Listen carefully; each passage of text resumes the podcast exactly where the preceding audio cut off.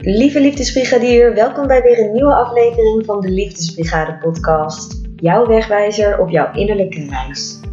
Mijn naam is Jasmin Lindenburg en in deze podcast ga ik in gesprek met bijzondere gasten en ontdek ik welke route volgens hen leidt tot een liefdevol en gelukkig leven. Vandaag heb ik een aflevering voor jullie over een onderwerp dat voor mij erg bijzonder en bekend is, namelijk adoptie. Zoals jullie inmiddels wel weten ben ik geadopteerd uit Zuid-Korea. En het kon ook niet anders dat ik dan een gast in de podcast wilde die met mij hierover in gesprek zou gaan. En dit is Sorien Zelderust geworden, ook al bekend als adoptiecoach met haar eigen ontwikkelde coachingmethode en co-host van de Gewoon Bijzonder podcast. Sorien is ook geadopteerd uit Zuid-Korea en in deze aflevering spreken we onder andere over de invloed die adoptie heeft op ons dagelijks leven en hoe veerkracht je hierbij helpt. En als je geadopteerd bent, dan heeft Sorine aan het einde van het gesprek nog een boodschap voor jou. En ook als je niet geadopteerd bent, is deze boodschap waardevol om aan te horen. Geniet van dit gesprek en dan kom ik daarna weer bij je terug. Welkom Sorine in de Liefdesbrigade podcast. Ja! Eindelijk, superleuk dat je hier bent. Dankjewel, dankjewel. Ik vind het ook heel leuk dat je me hebt gevraagd. Ja, ik heb het gevoel dat we hele bijzondere onderwerpen kunnen aanraken samen en dat we samen daar lekker mee de diepte in kunnen. Dus ik kijk heel erg uit naar deze aflevering. Ik ook. Ik ben heel benieuwd. Ja. En voordat we de diepte induiken, wil jij jezelf eerst voorstellen aan degenen die jou nog niet kennen? Oeh, um, jawel, tuurlijk. Uh, ik ben uh, Sorien, ik ben uh, eh, 34 jaar. Ik ben geboren in Zuid-Korea. Ik woon momenteel in, in Zwolle. En um, ik ben onder andere adoptiecoach. Dus ik ben zelf ook geadopteerd. Ja, en vertel, wat, wat doe jij precies in je coaching? Um, nou, dat is een hele goeie wat ik uh, precies doe, is uh, dat geadopteerden bij met name hun gevoel kunnen komen om zichzelf beter te kunnen begrijpen, waardoor ze zichzelf ook uh, beter kunnen gaan uitspreken over het onderwerp adoptie. Ja, dan is eigenlijk de meest logische vraag in ieder geval voor mij om dan aan jou te stellen, hoe ging dat bij jou? Nou, dat ging bij mij moeizaam.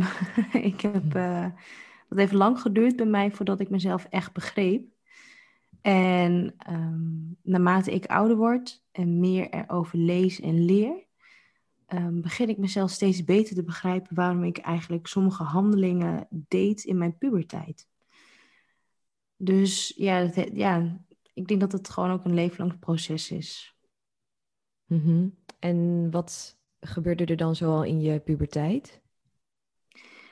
In mijn puberteit was het meer dat ik mezelf niet ehm, goed kon uiten. Dus dan deed ik dingen wat niet mocht.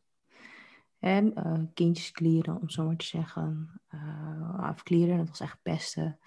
Mezelf uh, veel beter neerzetten dan ik eigenlijk was.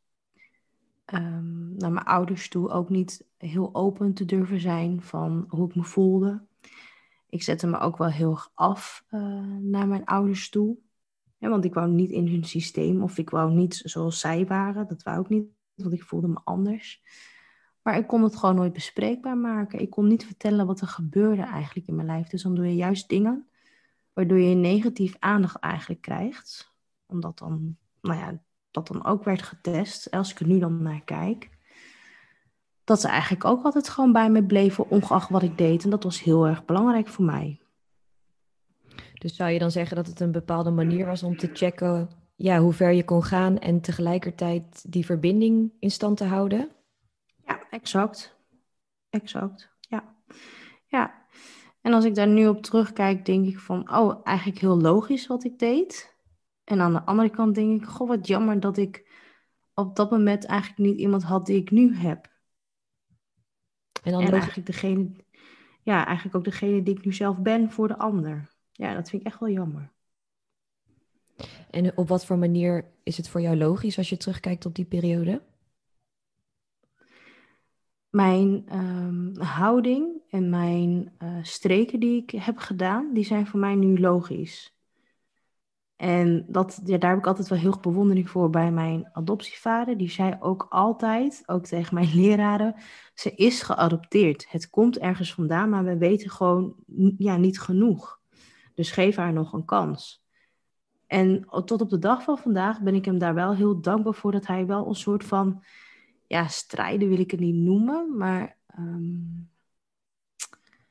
ja, hoe, hoe zou ik het anders noemen? Hij heeft er wel voor gestaan, om, om zo maar te zeggen. Hij heeft echt gestaan voor mij. Hmm. Alleen zij wisten ook niet hoe ze daarmee moesten omgaan, omdat het hun er ook niet was verteld. Nee. En ja, zij kwamen ook uit een ehm, generatie waar niet veel werd gesproken. Dus ja, voor hem was het nog lastiger om uh, dan met mij in gesprek bijvoorbeeld aan te gaan over mijn uh, emoties. Dus ja. Ja, dat het, het, gedeelte van de generatie, dat herken ik wel ook van mijn eigen ouders. Die zijn toch anders opgevoed, dat emoties en gevoelens niet zo bespreekbaar werden gemaakt zoals wij nu ervaren. Mhm. daarnaast vind ik het wel echt heel mooi om te horen hoe je vader daarmee is omgegaan. Dat hij dus ook naar mensen buiten toe ja, benadrukte dat jouw adoptie dus een dergelijke invloed op jou heeft, waardoor je dus bepaald gedrag laat vertonen. Ja, klopt. Ja, nee, dat vond ik zelf ook altijd wel heel bijzonder. En Ehm, ik heb daar nu ook veel meer bewondering voor. Want hij zei ook vaak van, nou, ik ga wel even naar je school. Of ik ga wel even met die praten. Of, en dan schaamde ik me altijd van, nee, ik kan wel voor mezelf opkomen. En dat hoeft helemaal niet. Maar nu denk ik van, hé, hey, hij was eigenlijk de enige die dus ehm, iets zag. En dat hij dat dan wel kon, uh, ja, soort van vertellen. Omdat ik dat dan niet kon. Dus aan de ene kant ben ik hem daar wel heel dankbaar voor dat hij het af en toe wel heeft gedaan. Ook al vond ik dat niet leuk als puber. Maar aan de andere kant, als ik nu terugkijk, denk ik van ja, ik had dat ook gewoon dus nodig. Mhm. Want had jij toen zelf door wat er bij jou van binnen speelde? Nee, nee, geen idee. Nee, ik, ehm, ik weet nog een moment dat ik echt, nou ja, ik zag mezelf, zeg maar. Dus ik stond echt buiten mijn lijf. En toen dacht ik wel van, waar ben je eigenlijk mee bezig? Maar ik was echt gevoelloos. Ik was ook echt wel, sommigen noemden mij ook wel een ijskoningin. Echt losgekoppeld van je gevoel? Ja, ja maar ook, ook van mijn lichaam, omdat ik daardoor dus ook niet meer kon voelen. Mhm. Ja. En wanneer is daar dan een shift in gekomen? Dat is op het moment gekomen ehm, dat ik zelf het niet meer zag zitten om verder te kunnen gaan met mijn leven. Daar zijn mijn ouders toen uh, achter gekomen ook. Um, mede door mijn oudste broer en mijn schoonzusje. En die hebben toen echt aan de bel getrokken van... hé, hey, er moet nu echt wat gaan veranderen. En toen ben ik uh, naar een psycholoog gegaan. Hoe oud was je en die zei, uh, toen was ik denk 23 of zo, of 22. Exact weet ik het niet. Maar um, nou ja, dat was ook wel te zien aan mij, want ik, ik, ik had letterlijk vluchtgedrag.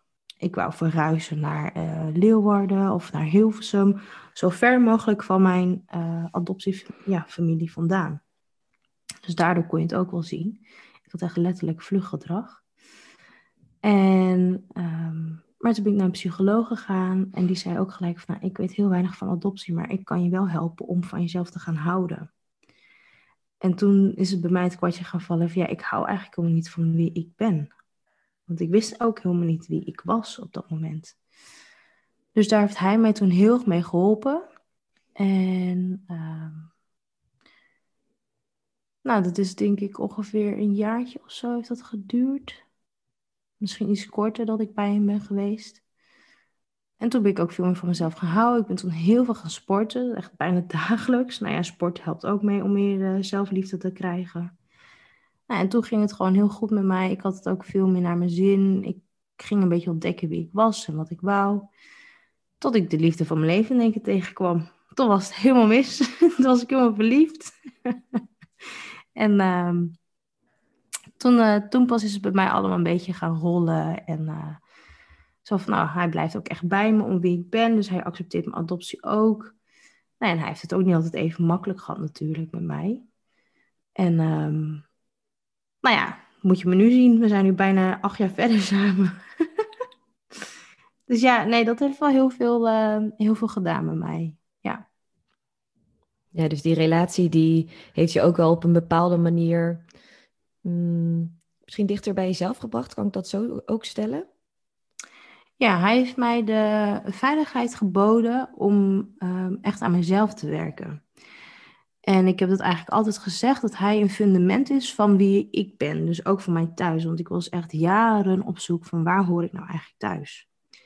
En hij gaf mij die inzicht van, uh, nou eigenlijk ben je zelf gewoon jouw thuis en neem je dat altijd overal mee. En ik ben daar nu ook een onderdeel van.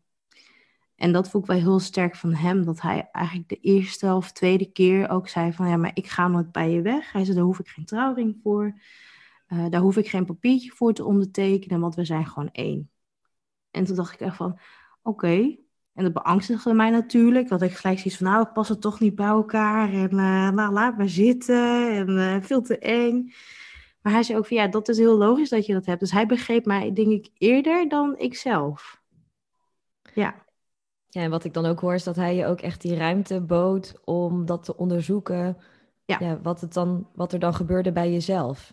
En dat hij je die bevestiging gaf dat hij dus ja, er zal zijn voor jou. Ja, exact. Ja, exact. Ja. ja. Nee, en dat vond ik ook wel heel mooi aan hem hoor. Dat hij dat ook. Uh, nou ja, ja, ja, dat doet hij nog steeds. En we zitten samen natuurlijk ook in, een ja, bepaald proces. Hij gaat ook mee uh, naar partnerdagen die we dan hebben voor geadopteerden, zodat hij mij beter leert kennen en ik hem natuurlijk ook weer. En ik merk wel dat dat ja, elkaar nog meer ruimte geeft uh, nou ja, om wel te proberen en te kijken uh, nou ja, hoe we elkaar kunnen versterken. En dat vind ik gewoon heel belangrijk.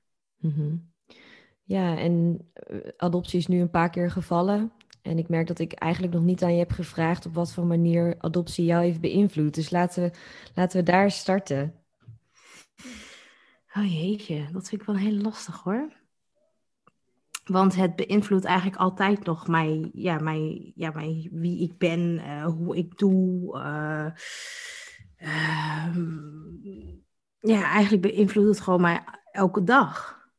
Dus ja, het beïnvloedt mij zowel positief, maar ook negatief. En um, het houdt me ook scherp. En ja, wat wil je nog meer weten? Ja, nou ja, ik, ik herken het heel erg hoor, als je zegt dat het je elke dag beïnvloedt. Kun je voor de luisteraar die niet geadopteerd is, of ook wel geadopteerd, um, een concreet voorbeeld geven van hoe, hoe dat dan op zo'n dagelijkse basis gaat? Hoe bedoel je dan precies? Wat, ja, mij dan zo uh, beïnvloedt? Bedoel je dat? Ja, of? ja, hoe je dat dan op dagelijkse basis merkt? Um, nou, dat heeft onder andere wel met het um, met het nieuws te maken. Zoals vanochtend zag ik dan uh, bij de NOS dat bijvoorbeeld nu Noord-Korea ook uh, COVID-besmetting uh, heeft. Dus ja, dat beïnvloedt mij dan ook wel weer. Dan denk ik van, oh, oké, okay. Nou ja, ik weet niet precies wat er wordt geraakt, maar ik heb wel een soort van uh, ja, medeleven of zo. Um, ja, ook al zijn het dan de bad guys, om even te zeggen.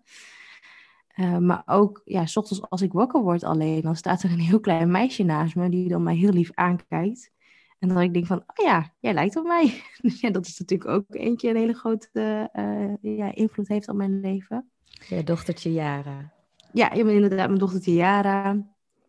Um, maar ook bijvoorbeeld als ik uh, aan het werk ben, uh, of ik loop gewoon door de stad en ja, kindjes roepen mij dan toch wel soms eens na van... hey, mama is Chinees. Ja, dan word je er ook wel weer mee geconfronteerd. Ik heb één keer een ouder gehad die ook zei van... nee, dat is een mevrouw die uit Azië komt. En je mag haar wel vragen waar ze vandaan komt. Dus ja, dan word je er ook weer mee... nou ja, kom je ook weer mee in aanraking. Maar ook met het eten, zoals ik ben dan nu zwanger. En ik merk gewoon, ik krijg Nederlands eten krijg ik heel moeilijk door mijn keel. Ik heb veel meer verlangen naar kimchi of uh, naar kimbap of uh, noem het maar op. Dus daar zit mijn verlangen dan wel in. En nou ja, hier in huis ook. ja, ik heb een Koreaans liefdesbriefje aan de muur hangen. Ik heb een, nu ook een trui aan met de I Love Korea heel groot op. Uh, ja, dus dat zijn wel van die kleine dingen wat echt wel in mijn leven zit. ja. Want zie jij jezelf als Nederlandse of als Koreaanse? Ik zie mij meer als een Koreaan.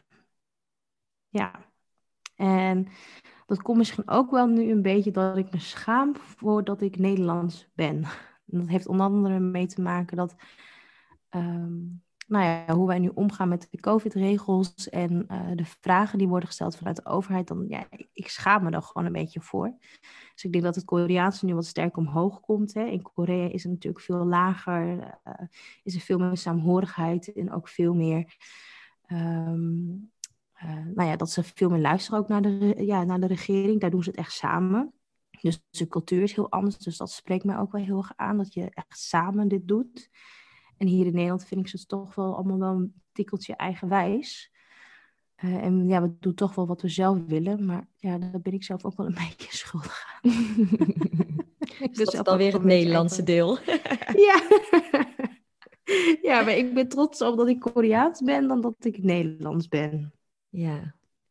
Ja, ik zit even bij mezelf te denken, terwijl ik jou die vraag stelde, hoe zit dat eigenlijk bij mij? Zie ik mezelf dan als Koreaans of als Nederlands? En ik merk dat ik me toch wel echt als Nederlands zie. Ja? Ja, ik denk dat ik het meer andersom heb. Dat ik mezelf meer als Nederlands zie en dat ik um, ook wel dat Koreaanse in me heb. En dat ik ook wel merk dat ik dat integreren in mijn Nederlandse leven. Mm-hmm. Um, en ik geloof ook wel dat dat heel erg kan helpen voor je eigen adoptieproces. Als die twee echt volledig samenkomen. En ja, ik geloof bij mij dat dat nog wel iets meer kan. Mm-hmm. Um, maar ik voel, ja, ik voel me denk ik toch wel echt meer Nederlands dan, uh, dan Koreaans. Maar wel uh, meer Koreaans dan dat ik me vroeger voelde. Oké, okay, dus uh, ja, als je het dan in percentages moet uitdrukken, dan ben ik even nieuwsgierig.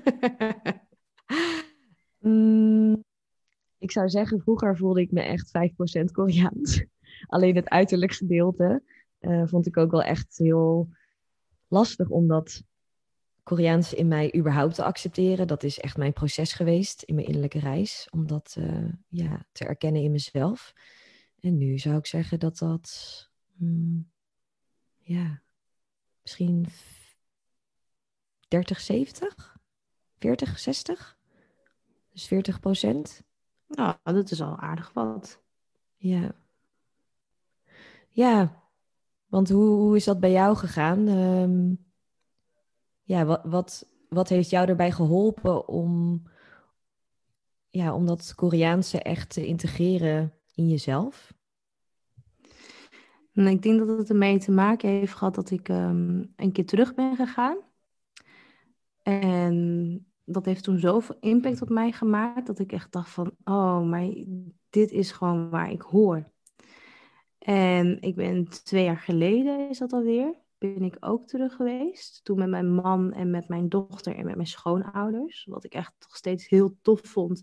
En vind dat mijn schoonouders meegingen. Want ik had echt zoiets van, nou, waarom willen jullie mee? Maar toen zei mijn schoonmoeder volgens mij, of mijn schoonvader zei toen ook van... Um, ja, maar wij hebben nu ook een verbinding met Korea. En toen dacht ik echt van, oh, hoezo? Toen dacht ik, oh ja, mijn kleindochter is natuurlijk ook deels Koreaans. Dus ja, dat vond ik zo mooi. En die reis heeft er ook zoveel weer losgemaakt bij mij, dat ik dacht van, oh ja, dit is waarom ik me zo Koreaans voel. Gewoon dat, um, dat hele lieflijke wat ze hebben, dat zorgzame naar elkaar en dat ze omkijken ook naar je.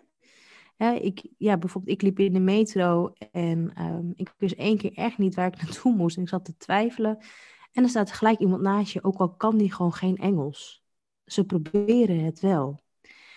En, um, maar ook um, met de koffers en in de taxi zijn heel behulpzaam. Maar ook in de metro. Dat, ja, ik kom dan binnen met Yara. Die was toen twee. En dan staan ze gelijk op voor je. Uh, ja, je mag gelijk zitten. En ja, dat vind ik gewoon zoiets moois dat je echt om elkaar denkt. Ik heb hier wel eens in de bus dat ik echt denk van, of in de trein, van, oh, er komt een oude iemand aan. Als ik nu opsta, wordt die vrouw dan nu beledigd? Of uh, ja, moet ik nog wel? En denk van, ja, als ik het niet doe, vind ik het ook weer zo lullig. Dus ja, dat vind ik dan wel weer een heel groot verschil erin. Ja, en ik vind het gewoon. Um, ik denk dat dat het ook met name is. Ik voel me daar veel meer. Uh, ja, ja, mezelf. Als ik daar ook rondloop, ik weet precies waar ik naartoe moet. Um, ja, ik heb een soort radar in me. Die zegt, je moet nu links, je moet nu rechts, of wat dan ook. Ik ben dus één keer verkeerd gelopen. Maar als ik hier in de auto stap, doe standaard Google Maps aan. Ook moet ik bijvoorbeeld naar de fysiotherapeut. Echt heel stom. die zit hier zo wat op de hoek. ja, ik moet die altijd aan hebben op een of andere manier. Ja. Ja, gek hè? ja, nou ja, ja, misschien ook niet gek. Want ja, ik herken wel wat je zegt. Toen ik, ik ben één keer dan in Korea geweest. Uh, ben ik een maandje daar gaan reizen. En toen ik daar voor het eerst was, voelde het wel ook gelijk als thuis. Thuiskomen. Um, ja. dat, het, dat je gewoon voelt dat op alle vlakken dat het vastklikt of zo. Ja, exact. En dat je ook merkt, inderdaad, de cultuur is daar eh, natuurlijk collectivistisch. Dus er wordt echt gekeken naar, naar de groep, naar de mensen, naar elkaar. En dat, dat zit toch wel in ons. Uh, dat hebben we toch wel meegekregen. Um, ja. Ja, dus het is ergens ook wel begrijpelijk dat, dat je je daar dan, ja, dat je je daar zo vrij voelt en zo, zo thuis. Ja, ja, en ik denk ook dat daarom de Koreaanse gemeenschap hier in Nederland ook best wel uh, groot het hecht is. Ik denk dat dat uh, ook de, ja, ja, deels wel daarin meespeelt. Omdat wij gewoon, um, gewoon in ons lichaam zo duidelijk onze cultuur en onze DNA daar ja, al voorouders natuurlijk um, nou ja, hetzelfde gevoel hebben. Dat hebben we gewoon meegekregen. Dus dat kun je mhm. ook niet zomaar even 1, 2, 3 uh, uitzetten. Nee. nee. nee. En zelfs denk ik in de individualistische culturen, zoals ook hier in Nederland, uh, zijn we toch vooral gericht op onszelf. Ik mhm. geloof ergens niet dat we zijn gemaakt om, om alleen te zijn en dat we juist anderen nodig hebben om, om te kunnen overleven. En ja, ja dat. Ja, klopt. Dat ben ik ook wel een beetje eens. Ik weet niet meer wie dat ooit heeft geschreven, maar die zei ook van als je alleen gaat, ga je snel, maar samen kom je veel verder. Mm en dus je hebt elkaar ook gewoon, uh, ja, samenwerken word je ook veel sterker en noem het allemaal op. Dus ik, ja, ik, ja, daar ben ik ook absoluut wel mee eens. Als je het niet samen doet, dan kom je er ook niet. Wat zou jij tegen iemand zeggen die bij jou in je praktijk komt en die meer die verbinding aan wil gaan met anderen? Dat de eerste verbinding aan wil gaan met zichzelf. en dan is natuurlijk de vraag, hoe doe je dat? ja. Want als je niet in verbinding staat met jezelf, kun je, ja, naar mijn weten, ook niet in verbinding komen met de ander. Dan uh, kun je misschien wel een energie of een andere verbindenis gaan aanpakken, wat misschien niet van jou is. En dat, ja, dat vind ik best wel gevaarlijk. Ja, en hoe kom je dan in verbinding met jezelf? Um, pas echt in verbinding met jezelf zit je als je het lichamelijk kunt voelen en ervaren. Dus dat je het kunt belichamen. En um, hoe doe je dat? Dat doe je door jezelf open te stellen en te durven staan voor het gevoel wat je kunt krijgen, bijvoorbeeld door een bekende geur, een klank, uh, smaak of geluid, wat misschien kan triggeren. Maar ook gewoon als je ergens loopt en je wordt getriggerd. Maar dat je op dat moment, als je lichaam dus iets aangeeft van een emotie of een pijn, of het kan ook iets gelukzaligs zijn, als je daar volledig aan durft over te geven, dan kom je steeds verder in verbinding met jezelf. En het kan heel mooi zijn, maar het kan ook enorm pijnlijk zijn. En als het heel pijnlijk is, is het natuurlijk ook heel beangstigend. Maar als het heel iets moois is en je wordt echt overweldigd door verschillende gevoelens, dan kan het ook heel beangstigend zijn, omdat je gewoon niet weet wat er gebeurt in je lijf. Ja, en dat is ook wat ik wel vaak zeg, dat als je de deksel op negatieve emoties, ja negatief tussen aanhalingstekens, hè, vervelende, ongemakkelijke, pijnlijke emoties drukt, dan druk je tegelijkertijd ook de deksel op de positieve, de fijne, de vrolijke emoties. Dus mhm. dan is het dus ook nieuw voor je als je opeens zo'n intensiteit aan misschien dankbaarheid of blijdschap of liefde voelt. Klopt, ja. En wat je dan eigenlijk zegt is dat wat voor gevoel of emotie er ook naar boven komt, ja, dat je dat durft toe te laten. Dat is eigenlijk wat ik hoor. Ja, het is niet alleen toelaten, het is ook dat je het aan durft te gaan. En het aangaan um, is voor sommigen een onbekend terrein, omdat het dan jou kan dwingen tot een bepaalde emotie waar je dan, of gevoel, en daar zit natuurlijk ook weer verschil in, maar ja, dat je dat misschien niet wil. En dan ga je toch heel standaard, wat, ja, wat ik vrij logisch vind, ga je in je eigen overlevingsmechanisme. Dus dan ga je of je gevoel uitzetten of je gaat gewoon door met het gewone leven en dan laat je het een beetje kabbelen. Maar dat is een beetje ehm, ja, wat op de loer ligt, om zo maar te zeggen. Ja, ja en zo'n standaard... Dus... Zeg maar. Zo'n standaard overlevingsmechanisme, dan denk ik gelijk aan dat, dat kan natuurlijk op heel veel manieren, maar bijvoorbeeld gelijk in je hoofd schieten en er een verhaaltje van maken. Dus dat je dat niet hoeft te voelen en dat je dan je heel erg kan richten op die gedachten. Of dat je gelijk afleiding gaat zoeken. Is het in, uh, weet ik veel. Uh, het kan natuurlijk ook met uh, drank of eten, roken. maar het kan ook zijn met Netflix, ik zeg maar wat. Um, ja, maar drugs, seks, ja. gamen. Gamen, ja. Eten, ja, noem het maar op. Ja, dus eigenlijk dat verdoven van datgene wat er naar boven komt. Ja. Ja. ja. ja als ik naar mezelf kijk ook. Um, ik heb dan een hele nare ervaring gehad, ja, gehad in een relatie. En toen was het voor mij heel makkelijk van... Oh, van, nou, ik, ik wil eigenlijk wel iemand bij me hebben, maar ik hoef je eigenlijk ook niet. Dus ja, dan ben je niet een soort van uh, addicted, dat, dat dan niet. Maar dan is het wel heel makkelijk dat je wel eh, gewoon hè, iemand weer uh, nou ja, naar je toe trekt, maar ook weer van je afstoot. En dat ging de hele tijd zo heen en weer. Het was ook voor mij een soort van verslaving, niet, niet heel heftig, maar ik kreeg er wel een kick van, van hé, hey, hij komt elke keer terug. Nou, doe mm toch iets goed. En hij accepteert dan ook weer dat ik heel bot en lelijk doe tegen hem. Dus dan gaat hij weer weg. En ja, en dat was voor mij de overleving om maar niet te hoeven voelen uh, om die afwijzing die hij me eigenlijk gaf. Ja. Ja.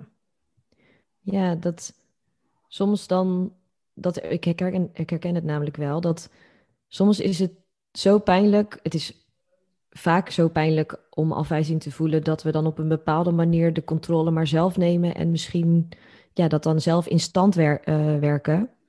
Uh, dan heb je daar toch nog een bepaalde vorm van controle over of zo. Ja, zeker. Ja. ja, omdat wij nooit controle hebben gehad over de eerste afwijzing die we natuurlijk hebben gehad van onze moeder, ja. um, willen wij dat eigenlijk altijd voor zijn. Ja. En ik, uh, ik, ik weet ook dat ik eigenlijk nooit een vriendje heb gehad die het uitmaakte met mij, maar dat ik het juist altijd uitmaakte. Zo van, nou, ik voel hem al aankomen. En dan had ik het vaak wel fout. En dan kwam die een paar weken later, maar ik vind je eigenlijk echt heel leuk. En dan dacht ik, ja, maar dan was ik alweer klaar dacht ik van nee, ik heb nu ook een punt afgezet en dan is het ook gewoon klaar. Mm Ja, dan wil je het gewoon voor zijn. Dan wil je gewoon voor zijn dat iemand anders jou weer verlaat. En het is heel uh, logisch, die beweging. En aan de andere kant is dat ook weer een uh, overlevingsmechanisme wat zo in je zit. Ja. ja, dus het gaat dan echt om het inzien welke mechanismen jij dan gebruikt, zodat je die ook kan shiften. Ja. En dan komt er een woord in me op wat ik ook terugzag in je website. En dat is veerkracht. Hoe is, die, hoe is dat bij jou in je eigen innerlijke reis gegaan met veerkracht? Ik denk, nee, laat ik het anders zeggen. Ik weet bijna voor 100% zeker dat hij er eigenlijk al was vanaf het moment dat ik ben afgestaan. En dat heeft ermee te maken dat ik als baby al heel vroeg ben opgenomen in het ziekenhuis. Ze kwamen erachter dat ik een, een uh, bloedvergiftiging of iets had. Ik weet het niet eens meer exact. En um, nou ja, daardoor ja, stond ik wel op standje overleven. Als het niet goed zou gaan, dan was ik of gehandicapt of ik zou hier niet meer zitten. Dus dat is één. Um, ik, heb een, nou ja, ik heb best een leuke jeugd gehad, maar ook een jeugd waarin ik zelf ook veel ben gepest op de basisschool. Dat had ook te maken met gezien worden, niet begrepen worden, uh, toch wat anders zijn. Uh, kijk, ik had er zelf natuurlijk ook een aandeel in. Dus daar moest ik ook heel veel, ja, veerkrachtig zijn. Ik ging in groep 4, gingen we verhuizen ook naar een ander dorp. En ja, dan krijg je weer nieuwe mensen om je heen. Heel veel kenden elkaar al. Dus daar heb ik ook nooit echt aansluiting gehad met anderen. En in de middelbare school ook. Daar was ik dan een pester, waar ik altijd nog wel wat spijt van heb. En um, nou ja, daar had je ook wel bepaalde veerkracht voor nodig. Ook om te kunnen blijven staan. Nou, en zo kan ik wel even doorgaan. Er zijn zoveel dingen gebeurd dat ik gewoon elke keer weer kon opstaan. En dat ik toch weer voelde om ja, door te gaan. Dat ik dat toch wel aankon. En het klinkt misschien heel gek, maar ik ben blij dat dat allemaal is gebeurd. Ongeacht de minder leuke dingen. Omdat ik nu gewoon veel meer de rust heb uh, om te kunnen zijn wie ik mag zijn en wie ik ook ben. En die veerkracht komt nu ook wel weer terug bij mij eh, in mijn werk, uh, maar ook in mijn opvoeding, in mijn relatie. Ja, daar heb je het gewoon ook altijd eigenlijk nodig. En ik denk dat wij daarom als geadopteerden ook gewoon heel sterk zijn, omdat we vanaf het eerste begin wordt er al zo'n uh, vraag gedaan op je. Ja, echt, echt een beroep op ga staan wie je bent. Alleen wij weten gewoon niet hoe we dat moeten doen als baby, want we kunnen nog geen taal spreken.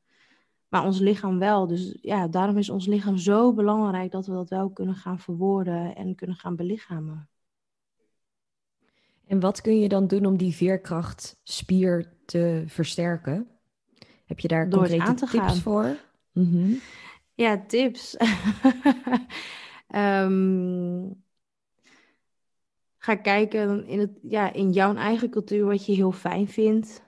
Um, ga kijken of je daar misschien erkenning of herkenning uit kunt halen.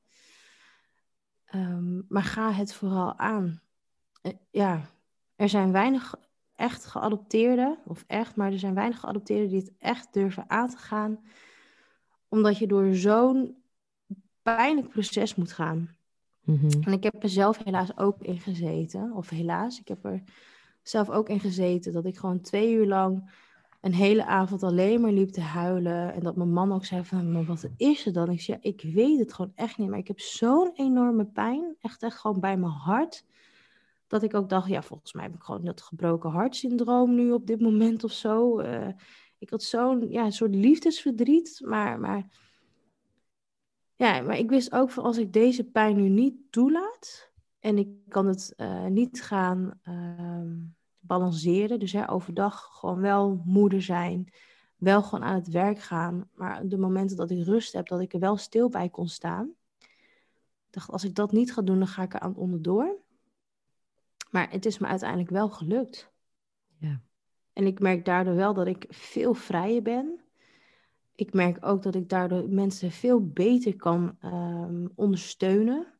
En ook kan vertellen wat het is.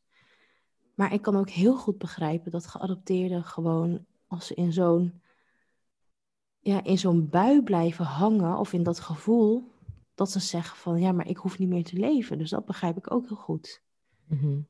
En als je gewoon niet de juiste begeleiding dan hebt, of ondersteuning, of wie dan ook, dan kan er alleen nog maar meer schade worden aangericht in plaats van dat je sterk kunt worden. Dus ja, het klinkt niet leuk wat ik zeg. het klinkt misschien ook best wel zwaar. Maar het is wel echt nodig om te kunnen worden wie jij uiteindelijk ook echt bent. Ja, en het is, het is heel realistisch wat je zegt. Zo, zo ervaar ik het namelijk zelf ook. Mm, ik herken in ieder geval heel goed, ik weet heel goed uit ervaring hoe het is om compleet uit verbinding te zijn met jezelf, doordat ik dus niet wilde voelen.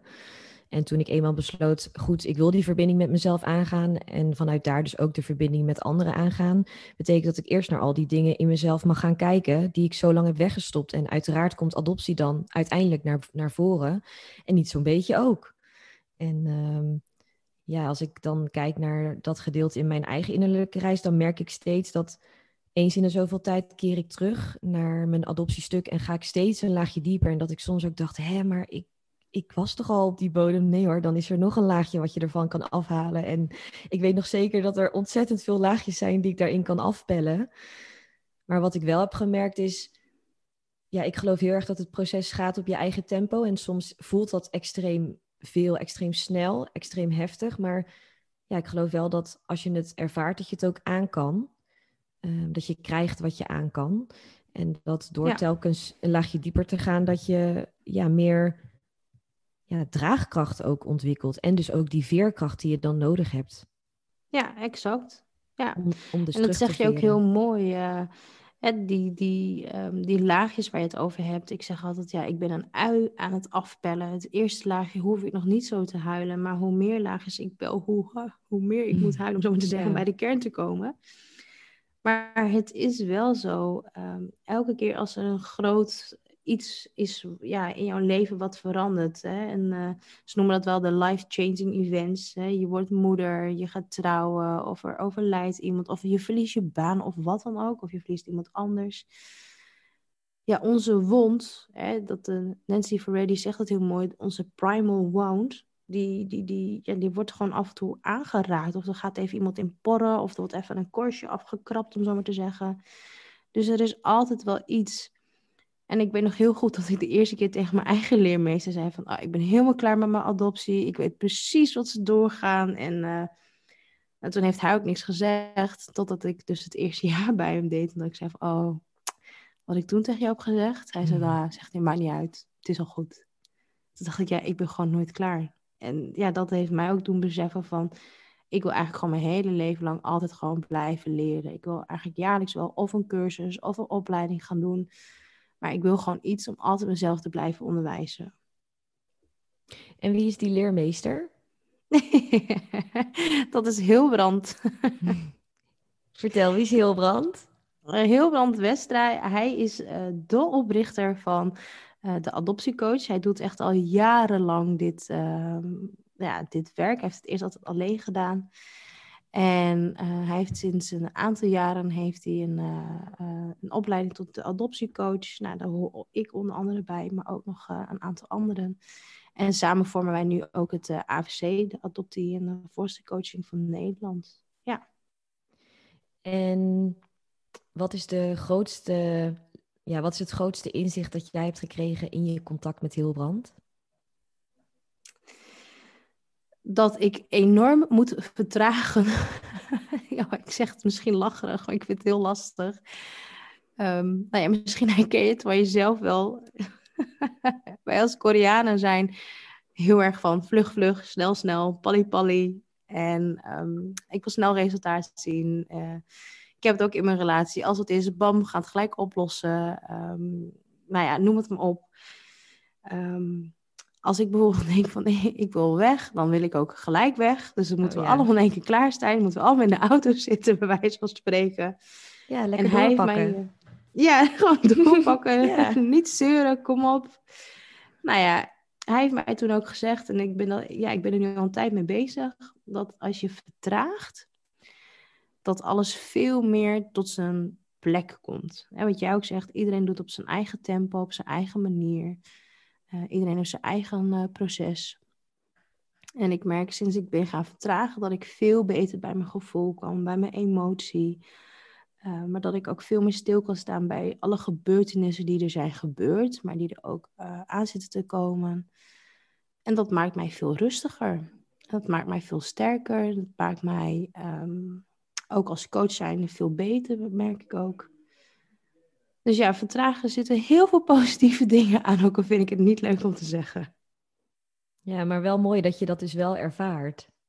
Ja, ja, absoluut. Om, hè, als ik heel snel ben en vlug ben, um, een heel stom voorbeeld misschien, maar ja, wij gingen vaak even als gezin met z'n drieën of op zaterdag of zondag er even uit. We gaan dan vaak even een stukje rijden. En in de zomer deden we dat dan ook. En dan gingen we gewoon in de auto weg. Maar ja, ik ben dan zo'n moeder die dan de helft vergeet. Geen schone kleren, geen drinken, geen eten. Nou ja, en waar eindig je dan? Dan eindig je bij een meertje en dan wil man en kind graag zwemmen. Nou, wat doe je dan? Dan moet je naar de dichtstbijzijnde action of wat dan ook. Dan ga je naar een badlaken en kleding. Weet je, dat zijn allemaal van die dingen dat ik denk van ja, dat is typisch iets voor mij, omdat ik dan snel en vlug weg wil. En dan vergeet je gewoon de helft. Maar ja, dat heeft mij ook weer geleerd dat ik een eh, standaard tas gewoon klaar heb zitten waar alles eigenlijk in zit. En uh, nou ja, weet je, dat, ja, dat, dat leer je dan wel. Dus als je gaat vertragen, je gaat toch stilstaan van, goh, wat, wat moet er mee? Hoe gaan we het doen? Ja, dat je dan toch wel op een leuke manier weggaat, ook al gaat het dan niet gelijk. Ja, dan heb je wel alles mee als je uiteindelijk op een bestemming komt. Dat je denkt van, hé, hey, dit is leuk, hier kunnen we picknicken. Dat je dan niet meer eerst naar de Jumbo moet om boodschappen te halen. Ja, het klinkt dan op de lange termijn allemaal wat relaxter. Ja, klopt. en ik kan me voorstellen dat dat, dat heel fijn is. ja. ja, nee, maar ja, het is ook wel heel grappig. Mijn man die is ook altijd ja, heel relaxed, heel rustig. Die pakt nog een kop koffie. Die gaat zijn haar nog doen. Terwijl ik dan al klaar zit. En dan zegt hij, heb jij het dan nog gepoetst? Oh nee, nee, dat moet ik ook nog doen. Dus dan ga ik uiteindelijk nog weer tanden poetsen. En ik kijk naar mijn dochter je hebt het gezicht ook niet schoongemaakt. Nee, klopt. dat soort dingen. ja, dus vertragen is gewoon goed voor mij. En uh, nou ja, zij gaat straks ook naar school. Dus dan is het ook goed dat we vroeg opstaan. Dat we rustig aandoen.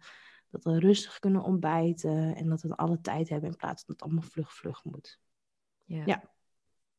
En ja, je dochtertje is nu een paar keer voorbij gekomen en je bent nu dus zwanger van je tweede. Wat, wat wil jij je kinderen meegeven als, ja, als moeder zijnde? Ehm, dat ze gewoon mogen zijn wie ze zijn. Dat ze wel in de wereld mogen staan met hun eigen visie en mening ook. En ook hun eigen missie. Maar wel op een gepaste manier dat ze anderen geen pijn mee kunnen doen. Dus dat vind ik wel belangrijk. En En wat ze willen worden en wat ze gaan doen, ja, dat maakt me, ja, dat maakt me niet uit. En hoe probeer je dat dan mee te geven? Zijn er dan bepaalde dingen die je zegt of benadrukt of doet? Ja. We hadden gisteren dat nog in de ochtend. Dan, ja, soms heeft ze gewoon een bui. Dan is ze of heel papa-fan of mama-fan. Nou, gisteren was ze totaal papa-fan en dan was ik zeg maar de heks. En dat merk ik dan ook. En dan zeg ik ook tegen haar van... Nou, mama vindt het niet leuk wat je doet. Het gedrag benoem ik dan ook bij haar. En dan geef ik ook aan van... Stel dat dit een kindje bij jou zou doen. Zou je dat leuk vinden? Dan zegt ze ook van nee, dat vind ik niet leuk. Ik zeg, nou, mama vindt het dus nu ook niet leuk. Dus ik geef wel heel duidelijk aan dat het gedrag wat ze dan laat zien, dat ik dat ook niet wil zien bij een ander. En dat zeggen we dan ook, want ze zegt, ja, soms loopt ze hier ook door huis met blote billen en dan doet ze de broek naar beneden van kijk, blote billen mama. Dan zeggen we ook tegen haar, dit mag je alleen in huis doen, niet zomaar op straat. Ja, goed dat je dat nog even benadrukt. Ja, ja, want wij zien zomaar dat ze in één keer met de billen naar de, naar de buurman staat. Ja, echt hoor. Ja, dat lijkt me niet Nee, eh, heel handig. Nee, nee, dus dat zijn wel dingen die we meenemen van wat wij zien hier, hier in huis. Hè, het gedrag wat ze vertoont. Dat we heel duidelijk aangeven van hier in huis is het veilig. Hier mag je alles doen. En hier hoor je het ook van ons. Maar wij willen niet dat je dit bij iemand anders bijvoorbeeld doet. En dan Ja. zeggen we ook, doe je dat wel? Dan zie je ook, nou dat zeg ik dan niet zo volwassen naar haar, maar dan zeg ik ook tegen haar, als je het wel doet, dan moet je ook die consequenties dragen die er wel bij komen. Dus hè, stel, ze doet het op school en een juf geeft haar dan straf, dan zeg ik ook dat ze daar ook voor moet gaan staan. Ja. Ja. Ja. En dan zegt mijn man wel eens van, eh, ah, ze is nog zo jong en waarom vertel je haar dat al? Maar ik denk, hoe eerder je begint en hoe vaker je dit eh, vertelt en herhaalt, hoe beter dat ook is. Ja. En ook al begrijpt ze het misschien cognitief niet, nog niet helemaal. ehm, ja, hoe vaker je het zegt, hoe meer het dan ook zakt in, in wie zij is. En als ze dan wat ouder is, dan dat ze dat dan echt wel begrijpt. Ja. Ja, ja dat denk ik ook. Dat, en dat vind ik wel heel leuk, want ehm, ze neemt af of daar leuk, maar ik vind het wel heel typerend. Dan neemt ze wat mee van de opvang, want hè, nu zit ze nog op de opvang. En ze had dan laatst eh, stoepkraatjes meegenomen, die doet ze dan in haar jas. En dan zegt mijn man over, ja, maar dat mag je niet meenemen. Dus we hebben ze allemaal verzameld, die stoepkraatjes. En die heeft ze gisteren teruggebracht. Maar ja, dan zegt de opvang ook van, ah joh, maar ik begrijp het wel dat je het in je jas doet. Dan denken wij van, nee, dat is niet de reactie die wij willen. Je hoort gewoon te zeggen, nou, dat mag inderdaad niet. Maar ja, dat denk ik ook van, het is goed, want ze voelt wel iets in haar lijf. Alleen ze kan het nog niet benoemen. Ja, dat bezit ze nog niet. Maar dan kan ze wel zeggen, van, ja, ik heb een beetje buikpijn. Of ja, ik vond het toch niet zo leuk. En dan denk ik van, nee, maar als je dat voelt, daar ben ik al blij mee. Dat je dus wel doorhebt dat je iets doet wat niet mag. Ja. Ja. ja. En dan benoem je weer datgene wat je eerder in het gesprek ook al noemde, dat je je eigenlijk je lichaam gebruikt als een soort van leidraad. Wat gebeurt er? Welke sensaties voel ik? Ja. En wat, wat zegt dat voor mij over mij? Klopt, ja. En omdat ik dat als kind niet heb gehad, en dat zei mijn man gisteren ook weer heel terecht, ehm, alles wat ik niet heb gehad en ehm, ja, wat mijn ouders natuurlijk ook niet wisten, mijn adoptieouders, wil ik haar nu wel meegeven. Dus hoe eerder zij kan aangeven wat er gebeurt in haar lijf, hoe beter zij zich kan verwoorden als er iets is. Ja. Want ik heb dat dus nooit gehad. En ja, ik wil eigenlijk voorkomen dat zij hetzelfde gaat krijgen. ja. Maar ja, dat zie je vaak terug ook in opvoedingen. En dat zie ik ook bij mijn man terug, dat hij dingen doet. Dat ik denk, oh ja, maar dat wil je natuurlijk zo graag omdat je het zelf niet hebt gehad. Ja, en dat is natuurlijk ook heel logisch. ja, heel begrijpelijk. Ja. Ja. je weet dan hoe het is om dat niet te hebben ontvangen. Dus dan wil je dat juist wel graag doorgeven aan je eigen Exact. kinderen. Ja, Ja. exact. En als we even shiften naar je werk, merk je daar dan ook dat je je eigen ervaringen dus heel erg meeneemt in hoe jij anderen begeleidt en coacht? Ja, absoluut. Ja. En eh, dat is ook een van de krachten die wij bezitten als adoptiecoach. Dat je zelf bent geadopteerd, maar dat je ook gewoon goed bent onderwezen hoe je dus een ander kunt ondersteunen. Zonder dat je het alleen maar over jezelf hebt. Of dat je zegt van nou, ik ben links gegaan, dus jij moet ook links gaan. Dat iemand echt zijn eigen proces mag aangaan op zijn eigen tempo. En ik kreeg dat eh, een paar weken geleden ook nog weer te horen van een coach van mij. Die zei, ja, ik vind het zo waardevol dat jij bent geadopteerd. Want ik hoef soms maar met één woord of een blik naar jou te kijken en je begrijpt het al. Ja, en dat vind ik gewoon zoveel meerwaarde hebben. En ja, dat raakt me elke keer weer. Dat denk ik echt van ja, en daarvoor doe ik het ook. Mhm. Ja. ja. Ja, je communiceert dan eigenlijk op een, op een niveau dat niet zichtbaar is, maar wel voelbaar. Juist, ja, exact. Ja. Ja, en dat is er zelfs als ik gewoon ook via Zoom eh, of via FaceTime of wat dan ook mijn coaching doe. Dat, ja, dat is er gewoon. Dat veld is dan gewoon soms zo sterk. Ja, dan, dan, ja, dan heb je niet eens nodig om bij elkaar in de buurt te zijn. En je hebt je eigen coachingmethode ontwikkeld. Ja, Vertel. ja dat is een Nuki. En ehm, ik weet niet waarom ik dit wil zeggen, maar ik kwam erachter dat het volgens mij ook een slimme deurbel is. Nuki. Echt, eh, maar ja, dat terzijde. Eh Nuki staat, eh, de N en de U staat voor het Koreaanse Nunji. Ik weet niet, misschien ben jij er ook mee bekend. En Dat staat ervoor. Via jou. Oh, via- nou, dat staat er dus voor dat je ehm, jouw eigen gevoel en waarnemingen en observaties die je hebt, dat je die dus meeneemt eh, in het gesprek. Dus stel, eh, er staat ook in het boek, stel je staat met een groepje mensen en die staan er al en jij komt binnen en ze lachen heel hard. Nou, hoe zou jij dan op reageren? Dat je dus erachter komt dat dus het baas is. Hè? Hoe pas jij je dus aan? Dus dat is ook een beetje het gevoel. Maar wij als Koreanen hebben dat vanaf jongs af aan eigenlijk al meegekregen. En dat zit zo erg in hun systeem dat ik denk van ja, volgens mij hebben wij dat ook. Dat wij dat ook eh, gewoon goed aanvoelen. Eh, de K staat voor eh, kintsugi. En de I staat voor ikigai. Nou, kintsugi gaat echt over je wonden helen. Dus hoe kun je jouw wonden helen met toch iets positiefs? Dus we gaan niet kijken naar het negatieve. Dat, dat kan wel, maar dat wil ik niet. Want ik ben geen psycholoog of wat dan ook. Ik ben een coach, dus ik zit aan een gezonde deel. Dus ik ga kijken welke levensgebeurtenis heeft zoveel impact op je gemaakt. Uh, maar wat heb je eruit gehaald en kun je dat meenemen in eventueel een volgende uh, nou ja, situatie als er iets gebeurt? En je ikigai gaat er echt om voor um, waar wil jij succesvol in zijn? Waar kom jij 's ochtends je bed voor uit en wat wil je doen? Dus ik ga aan de hand van uh, onze gesprekken gaan we dan kijken van nou, waar vloei jij echt van op? En hoe kun jij dus dan zelf elke ochtend weer opstaan om toch met je adoptie in het reinen te zijn, om zo maar te zeggen. En dat is elke keer weer anders. En is er wel een bepaalde rode lijn um, die je ziet in wat je dan doet of wat je dan behandelt of bespreekt?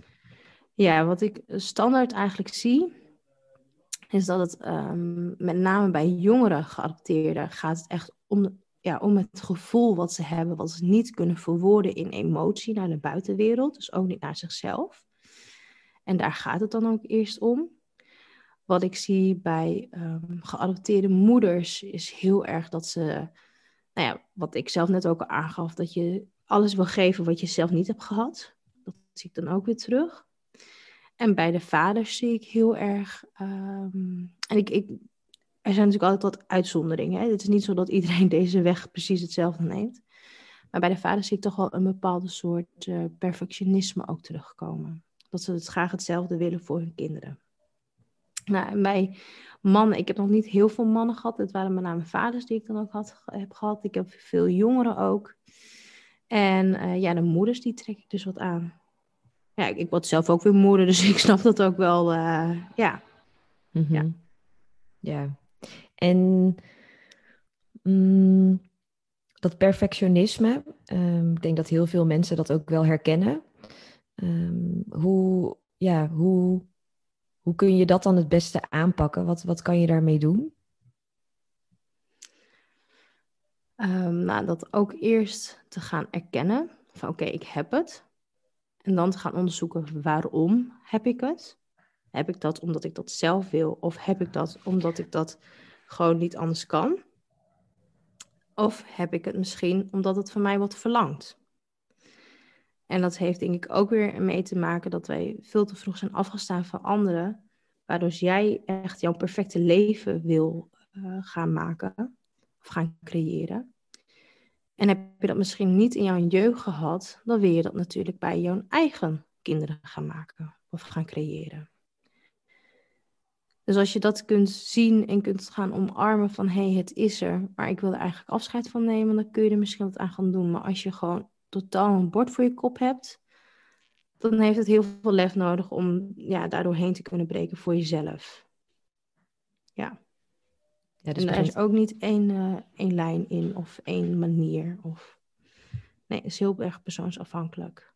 Ja, het begint dan wel echt met die bewustwording en het verlangen om ja om het anders te gaan doen. Ja, ja, klopt. En dat zeg ik ook eigenlijk altijd bij al mijn coaching, zeg ik dat ook. Uh, ben je gestuurd door je ouders, door je partner of door jezelf? En als ze zeggen van, nee, ik ben echt gestuurd door mezelf, dan hoef ik de vraag niet eens meer te stellen. Maar als het door de ouders zijn gestuurd of door wie dan ook, vind ik het heel belangrijk dat ze er zelf ook echt achter staan. Anders ga ik niet coachen. Nee. En is het dan ook nog zo dat, dat je dan dus erachter komt dat iemand het eigenlijk niet wil en dus niet die behandeling aangaat? Ja hoor, ja. Heb ik nu al een paar keer gehad. En uh, dan zeggen ze ook heel eerlijk van, uh, nee, mijn, uh, mijn moeder wil het heel graag. Of mijn vader, alleen ja, ik heb er zelf niks mee. Zeg, nou is prima, dan houdt het hierop. Ja. Ja, en dan zeg ik ook van, je bent altijd welkom. Je hebt mijn nummer. Als het is, gewoon laten weten. Is helemaal goed. En gewoon even goede vrienden, zeg ik dan ook. Ja, maar ik ga echt niet aan het doodpaad trekken. Dat heeft helemaal geen zin. Nee. En uh, nee. nee. Maar anders werkt het ook gewoon niet. Nee. Als je het zelf wil, dan kun je er zelf ook echt iets uithalen. Ja, exact. Ja. ja. Ja, ik vind het wel echt mooi dat je, ja, dat je adoptiecoach bent en dat je dit onderwerp, dat je, dat je anderen hierbij helpt. Als ik kijk naar mezelf, dan als ik kijk naar hoe adoptie mijn leven heeft beïnvloed en hoe mijn innerlijke reis daardoor is gevormd en alles wat erbij kwam kijken met um, emoties die ik niet kon plaatsen uh, en hoeveel energie me dat ook heeft gekost om dat los te laten. Um, ja, het is echt ontzettend fijn als je iemand hebt die je daarbij op professionele wijze kan ondersteunen. En ik vind het echt heel mooi dat je dit werk doet en dat je anderen hierbij kan nou, helpen. Dankjewel. Ja. Ja, ja, ik heb ook gezegd toen ik begon, ehm, als er één coach die bij mij is geweest, ben ik al tevreden. Of als ik één iemand heb geïnspireerd. En ik heb eigenlijk elk jaar weer een nieuwe doelstelling. En toen was ik halverwege het jaar en toen dacht ik van, oh, maar diegene ben ik eigenlijk zelf. Toen dacht ik, oh, oké, nou, prima. Wat in het tweede jaar ging het weer. Ja, die was gelukt. Dus ik denk van, nou, dan kan ik wel meer vragen van mezelf. Nou, en zo ging het elke keer verder en verder en verder. Toen dacht ik van, ja, eigenlijk moet ik ook gewoon ophouden met die doelstellingen. Moet ik gewoon veel meer gaan genieten van alles wat er gebeurt. Ja. dus ik ben er na drie jaar ook opgehouden. Ja, mooi, ja. Ja, het gewoon maar laten gaan zoals het gaat. En dan Precies. floot het toch wel. Ja, inderdaad. Ja. Waar kunnen luisteraars jou vinden? In Zwolle? Nee,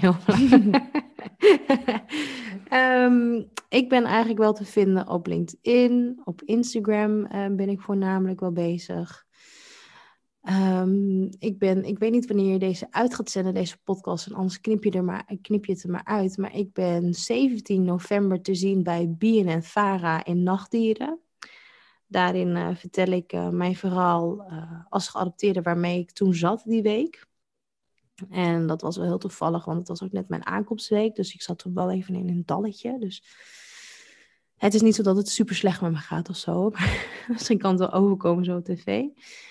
Ehm, dus ja, daar ben ik te zien. Ik ben, ehm, ja, ik ben te vinden ook in mijn eigen podcast natuurlijk met Niels. Gewoon bijzonder wat over afstam, uh, afstamming gaat en ook over adoptie.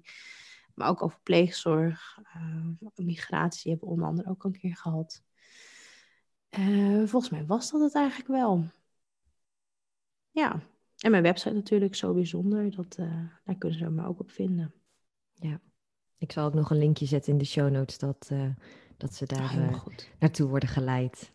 Ik denk altijd zo van als iemand me echt wil vinden, dan vindt hij me wel. Ja. Ja, ja. en dan daarom ben ik er ook niet zo van van um, heel erg mezelf promoten en, en dingen of wat dan ook. Maar ik denk altijd als mensen mijn naam weten en ze willen echt contact met mij, dan, uh, dan lukt het hun dan ook hoe dan wel. Ja, mooi. Ja. En voordat ik naar mijn laatste vraag ga, um, ja, ben ik nog benieuwd of er iets is wat je tegen alle geadopteerden die nu luisteren zou willen zeggen. Oei. Wat ik iedereen mee zou willen geven is, um, luister vooral naar je eigen lichaam. En luister um, naar hetgene wat jij wil en niet wat de ander van je verlangt. En doe het vooral op je eigen tempo. Dus wil jij snel, dan ga je snel. Wil je langzaam, ga je langzaam. En heb vertrouwen erin dat het ook gewoon kan. En dat jij ook sterk genoeg bent om het aan te kunnen. Hè? Wat jij net ook al heel mooi zei. Iedereen krijgt het wel op zijn pad. En daar is hij dan ook gewoon klaar voor. Daar geloof ik ook heilig in. Dus dat zou ik ook heel graag aan iedereen mee willen geven. Van goh, als je toch die pijn voelt of wat dan ook.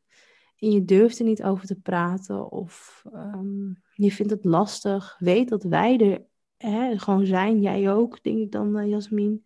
Mm Jij bent er volgens mij ook hartstikke goed in. En onthoud gewoon dat de enige liefde die je bezit, dat dat echt je eigen liefde is. En dat kan niemand van je afnemen.